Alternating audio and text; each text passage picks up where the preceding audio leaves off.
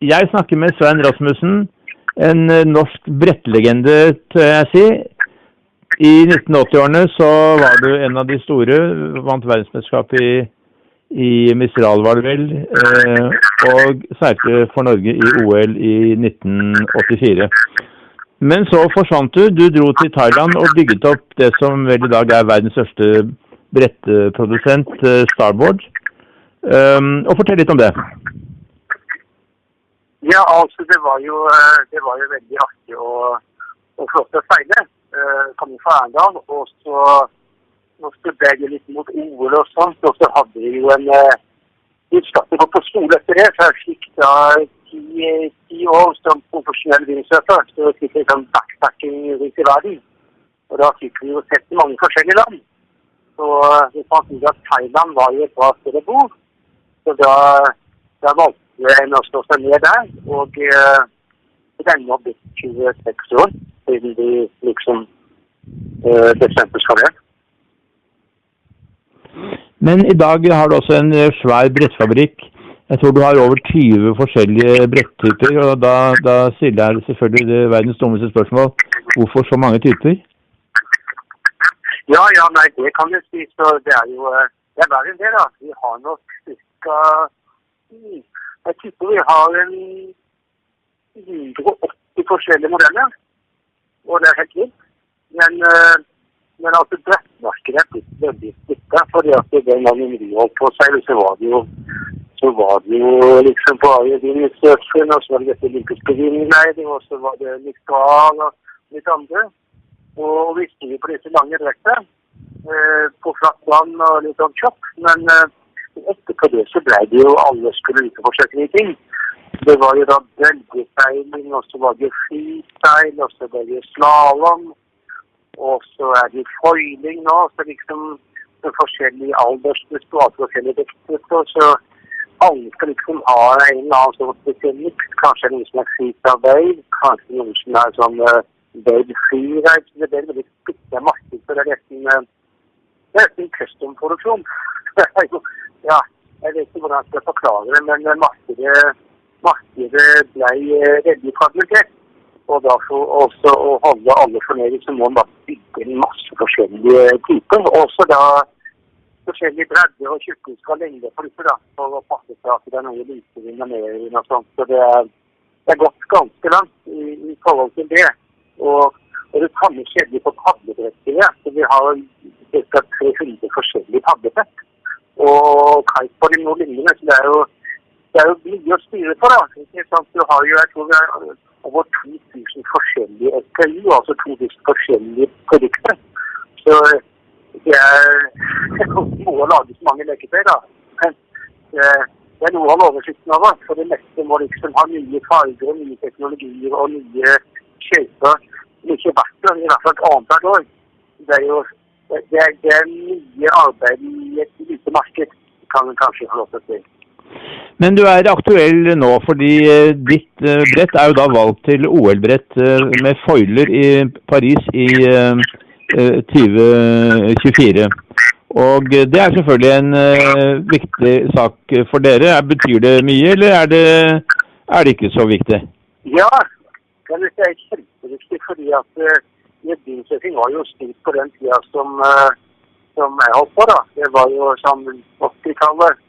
Og, og, og, så, og så skjedde det ikke mye ting. Det, det, det, det ble så i forhold regattaseiling og sånt, det forsvant. Uh, ja, vi, vi, vi seiler litt i Oslofjorden og litt, litt, på Sørlandet, men det er jo nemlig ingenting igjen.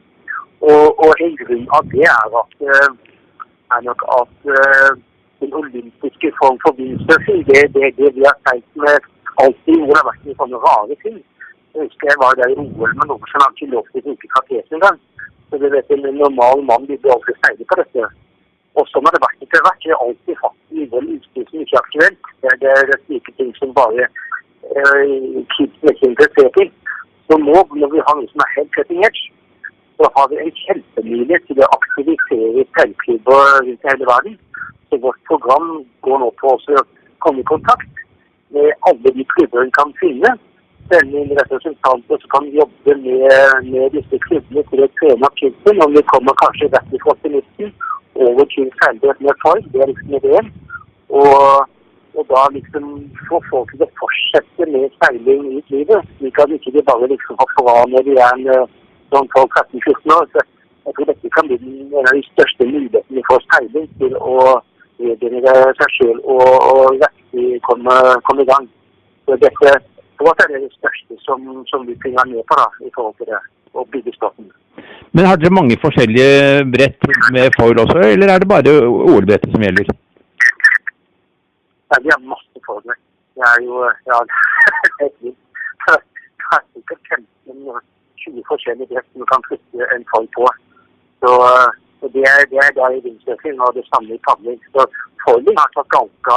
I dag er det ikke wingfoila. Det er noe som heter byfoiling. De putter en, liten, en liten kite liten string. De beholder rett på støtten på kiten. Og så ute foiler da med en sånn contraction. Så foiling kommer inn på alle nivåer av sånn uh, action watersports der ute. Så det er det, bare, det skjedde så kvikt. Det er ikke mer enn tre-fire år siden så vi det. Og nå er det liksom all action er rundt foiling. Kan du sette en foil på et vanlig brett? Nei. Altså, et normalt slalåmbrett som vi har, det, det, det, det, som finnes i butikk i dag, det som fantes i butikk for fem år siden. Ikke foilen inn, alt er på plass. Eh, Kostokkene står på rett sted, og eh, de kan følge av gårde. Det eneste kan, kan passe på at kanskje boksen burde forsterkes litt. Men eh, det går veldig bra. Så er det mange forskjellige faller. Da. Noen som er lette å bruke, og andre som har mye power og er raskere. da. Så en begynner gjerne med sånn freeride-form. Så ja, det er en helt ny verden for, for oss som, uh, som liker oss uh, med mye ting og litt utover hverandre. Betyr det at alle brett som ikke har foil, at de etter hvert vil måtte skrapes og at uh, det forsvinner ut av markedet? Nei, nei, nei. Uh, det er bare som uh, påses for påses. Det er jo det er noen som liker å bølge seg, noen som liker freeride, noen som liker å foile. Men ja, vi, vi, vi at mange av de som foiler, de synes det er fantastisk og, og, og vil nok fortsette å foile. For meg er jeg synes det er kjempeartig å gå ut på freeride-brett eller bølgebrett eller, eller hva det er for noe. Jeg at her har de en, en ny nisje enn nisje. Liksom det, det blir et hovedengasjement. Så alt, alt kommer nok til å fortsette, men foiling kommer til å liksom bare drive vindsurfing framover. Og det kommer til å drive vannsport framover generelt. Makran har gitt foilen, og de har jo disse Amerikas cupbåter. Liksom. Dette er det nye showcase for seiling, og også for, for vindsurfing. Så du får flere folk Men det er interessert. at når en er på 14 år ser noen som føler seg litt fint, de har lyst til å bli med. Kanskje de da prøver seg på friidrettsstund, og noen har fått det for, noen gjør det ikke. Men uh, jeg tror at alt kommer til å fortsette, men det er bare for de kommer til å forsterke alt. Det, er, det er bare sånn vinn-vinn-vinn hele veien her. Men du som har brettsporten på, på fingertuppene, kan du definere liksom, hovedretningene brettseiling kommer til å utvikle seg? Du forstår at du snakker med en som ikke har så mye greie på brett, så du må du må fortelle dette eh, så jeg får det med meg. Altså, Hvilken type brettseiling er det vi kommer til å se i fremtiden? Det, det, det er jo da et godt spørsmål. Så altså, I bilsurfing er det jo, det er jo veldig blanda i forhold til der du bor. Hvis du bor f.eks. på Vestlandet av Norge, så er det flott med bølger. Da må du ikke bølgeseile. Hvis du bor eh, på sørlandskysten her nede ved Oslofjorden, så er det jo er ikke noe bølger. Så er det sånne store bølger som kan bli skikkelig. Så da er det jo flott med forlik fordi at du, du kommer på plan så mye tidligere.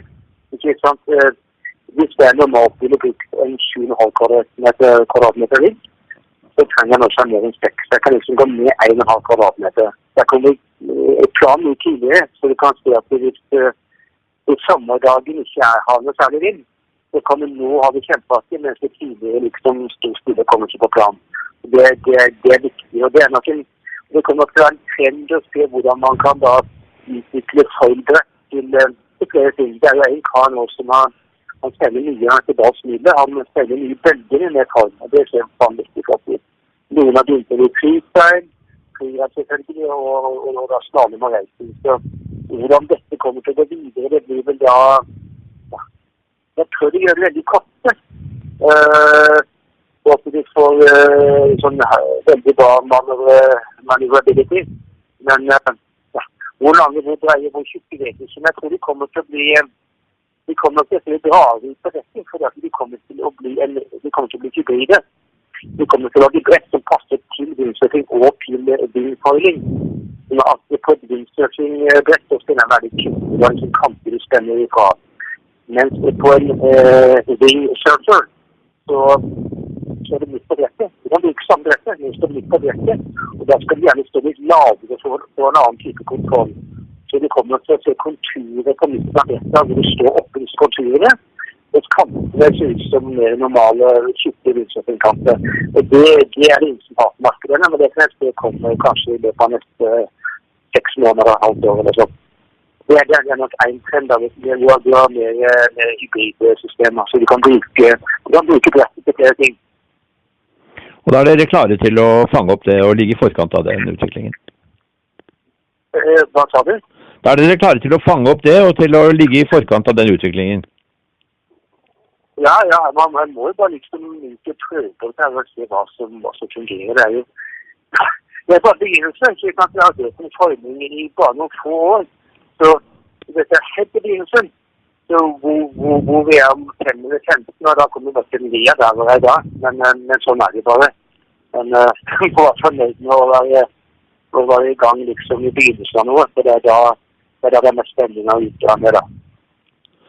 Men i dag så er jo seiling, altså brettseiling er olympisk sport. Det, det har det jo vært siden 80-tallet. Og, og, vi begynner da med foiling i 2024 som kjent. Um, fartsseiling på brett, har på disse spesielle kanalene i Frankrike og i Ludritz i Namibia hvor uh, man seiler over 50 knop uh, på brett. Det er selvfølgelig også en spiss del av det. Og så har du verdenscup i bølgesurf og slalåm og og andre disipliner, funboard eller hva det er for noe? Ja, ja, ja. Så det er jo, det er jo så mye som Det er veldig bredt sport. Altså, du har jo kanskje det bredt sport som er veldig bred, kan du si. Vi har, uh, som du sier, det er jo det er for de veldig utvalgte som gjør det, da. Men uh, PWA, profesjonelle ligaen, den er det mange som vet om. Og det kjøres jo kanskje rundt sånn 12-12 uh, cups hvert år. Fint er jo svært. Det er jo, da kommer gjerne tusenvis av mennesker på å se på oss. Det er jo en stor event.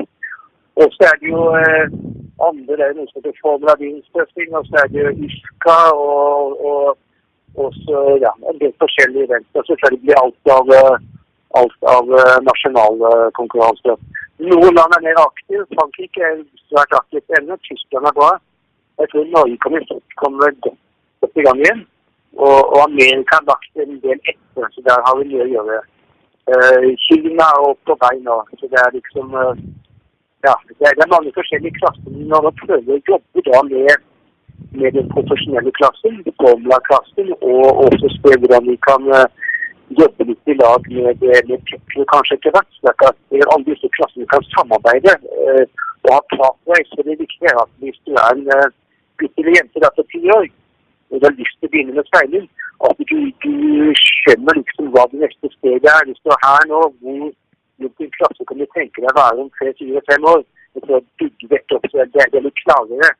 De kan, kan liksom se, og foreldrene de kan se liksom hvor, er, hvor kan barna være i om ti år. Hva er det hva som passer? Så det, det, er noe vi kommer til å jobbe ganske sterkt slik at det blir klarhet rundt det vi kaller plater. Men i noen av disse disiplinene så er det jo profesjonelle ligaer, og der er det mange norske som er med, bl.a. Og, og mange som da mer eller mindre lever av seilingen. Er det lukrativt? Kan det sammenlignes med andre profesjonelle idretter?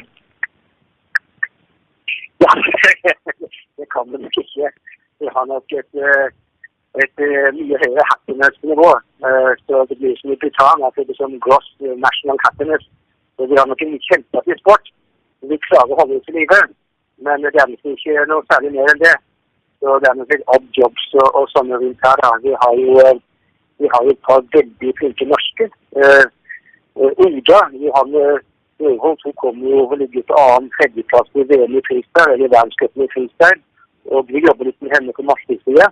Så stort sett så må han liksom ha litt sånn ting på oss og ha råd til å reise rundt i hele verden. Så det er kun de et par stykk kanskje som ja, For guttene er det bedre. Jeg synes at guttene alltid får bedre betalt. Så da er det nok en gjeng som kan, eh, kan livnære seg på seiling, på kun seiling. Og så gir de litt leksjoner, da, sånn som golfspesialister. Gir gjerne litt klinikker og sånn. Og da kan man tjene litt. Så eh, de, de største eventene har ikke mer enn 150 000 dollar i prispenger. Det skal deles over forskjellige kategorier og sånt. Så det blir ikke så mye igjen av det.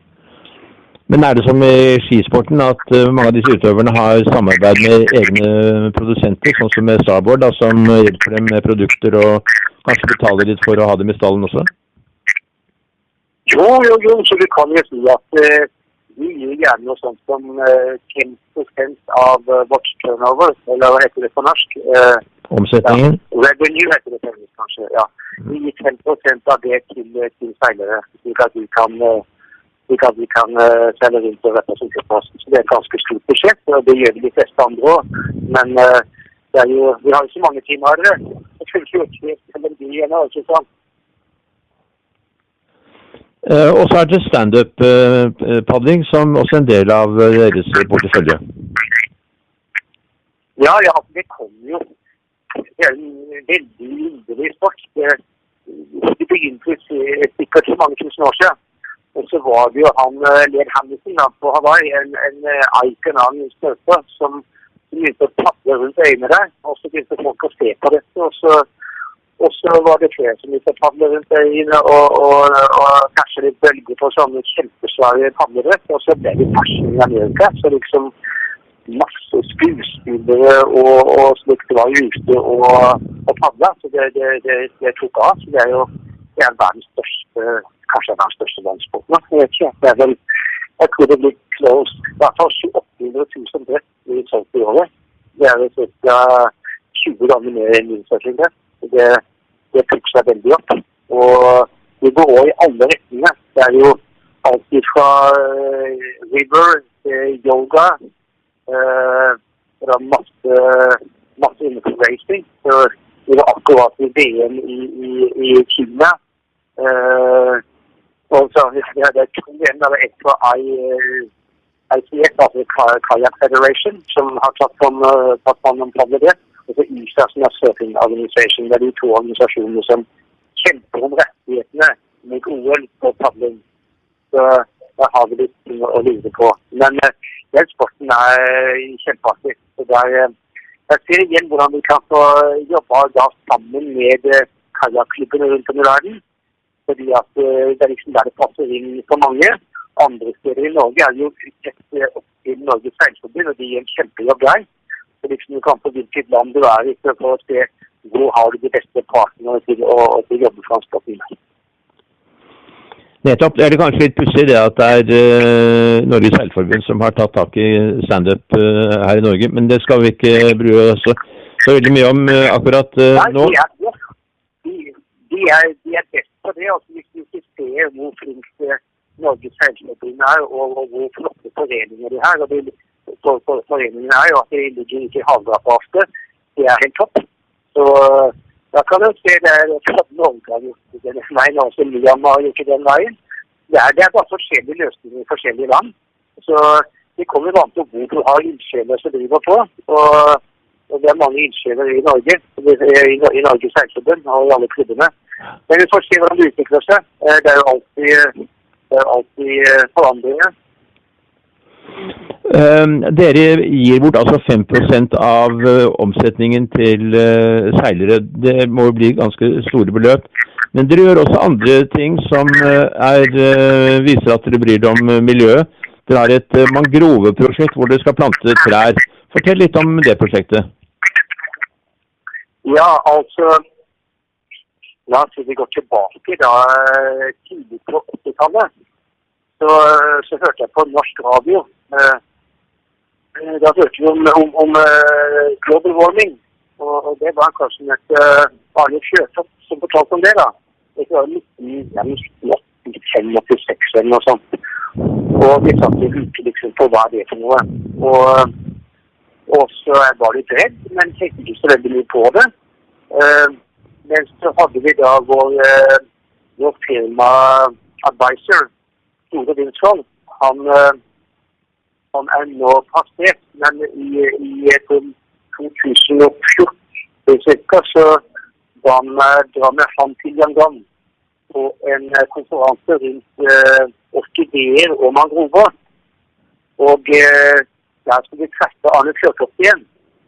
Så der var plutselig Arne i full fart. Da hadde han satt i gang eh, et stort prosjekt for eh, replantation av mangrover på det blir da vestkysten av Myanmar. Og han begynte å fortelle da om hva disse mangrovene kan gjøre. Og vi fant ut at det er de som er den omtrent mest verdifulle planter vi har, eller tre vi har. Det tar imot disse, disse store tsunamiene og stormene som kommer inn langs kysten. Disse, disse tærne og disse restene stenger jo eh, bølgene som kommer inn, slik at landsbyen eh, liksom klarer å bli stående igjen etter et angrep. Og så er de kjempeflinke til å rense vannet. slik at det normalt der det er mye mangrover, er det masse fisk, mye reker, mye krabber. Og, og, og problemet er det så blir det ofte kutta ned. At man kan putte inn rekefarming, for det er så mye reker der og så mye fisk der. Vi. Kanskje sånn. Så vi har mista halvparten av alle mangrove i, i Myanmar. Uh, og det, det, det, aller flotteste når man kommer med mangrovene, er at de er de, de, er de antakelig flinkeste til å ta ned karbon i lufta. Og så da lagre det i retten og under retten liksom, nedi, i ground. Så det tar jo ned ca. ett tonn eh, karbon over 20 år. Vi vet, vet ikke noen annen plante som kan gjøre det på et så lite område. Og, og, og, Derfor så tenkte jeg at dette må være et flott prosjekt å støtte opp om. Så vi, eh, har planta der i fem år. og, og prøver å gjøre så godt vi kan og også markedsføre det prosjektet. fordi eh, pausen snakk om klima, men det er ingenting gjort. Det er bare masse preik.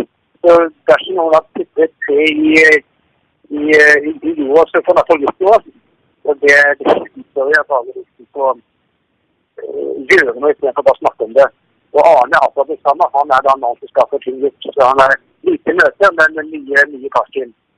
Så det er, det er tingen der. Så han, hele, hele prosjektet, da. Eh, det er jo snakk om også for ca.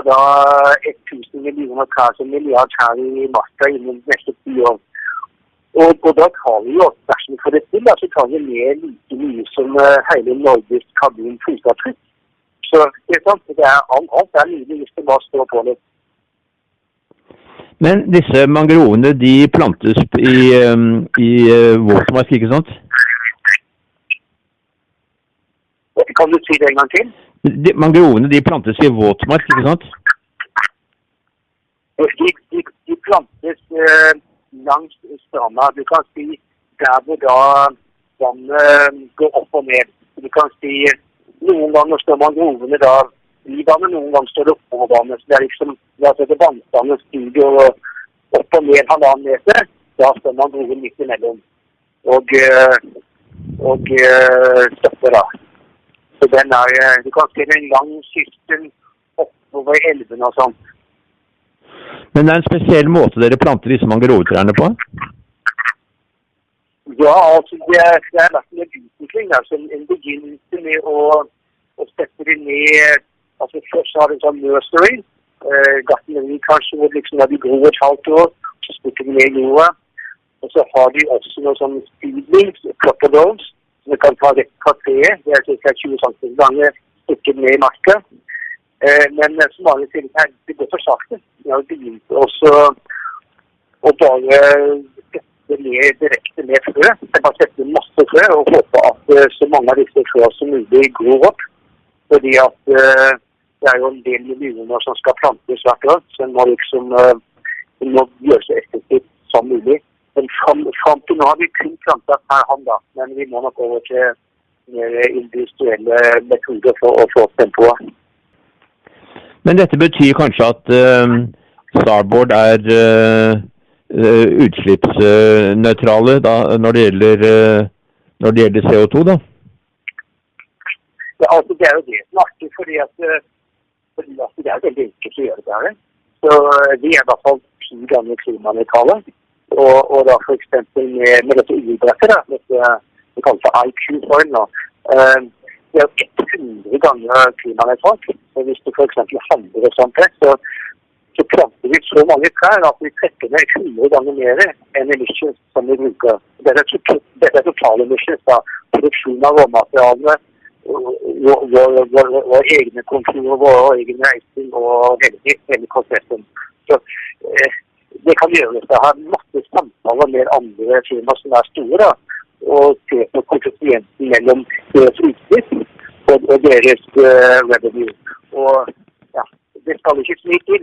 Så stort sett så kan de fleste firmaene i verden uh, bli klimanøytrale ved reforestation. Uh, dersom de er interessert i å gjøre noe med det. Men oftest er det mye tråk og lite, og lite våk. Så, Akkurat. Ja.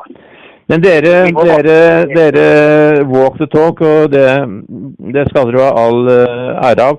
Uh, men det er jo morsomt å snakke med en uh, pioner da, som har vært aktiv seiler, og som da har tatt tak i sporten og utviklet den videre ved produkter og, og utvikling. jeg sier takk for praten, Svein. Lykke til med OL i 2004 og fornying av brettsporten med, med fordeler som vi sikkert kommer til å se bare mer og mer av også her hjemme i Norge. Ja, nei, Det var veldig artig å få lov til å snakke med deg og dere. Og så får vi be det på med det for å få folk i Norge ut på brett. For det er, det er liksom Vi vet at det er flott å seile, så nå har vi i hvert fall litt bedre utstyr. Så vi får håpe at, at seilklubbene tar fatt i muligheten, og så kan vi jobbe i lag med oss og få dette her i gang. Så takker for det tilbudet og, og all hjelp framover.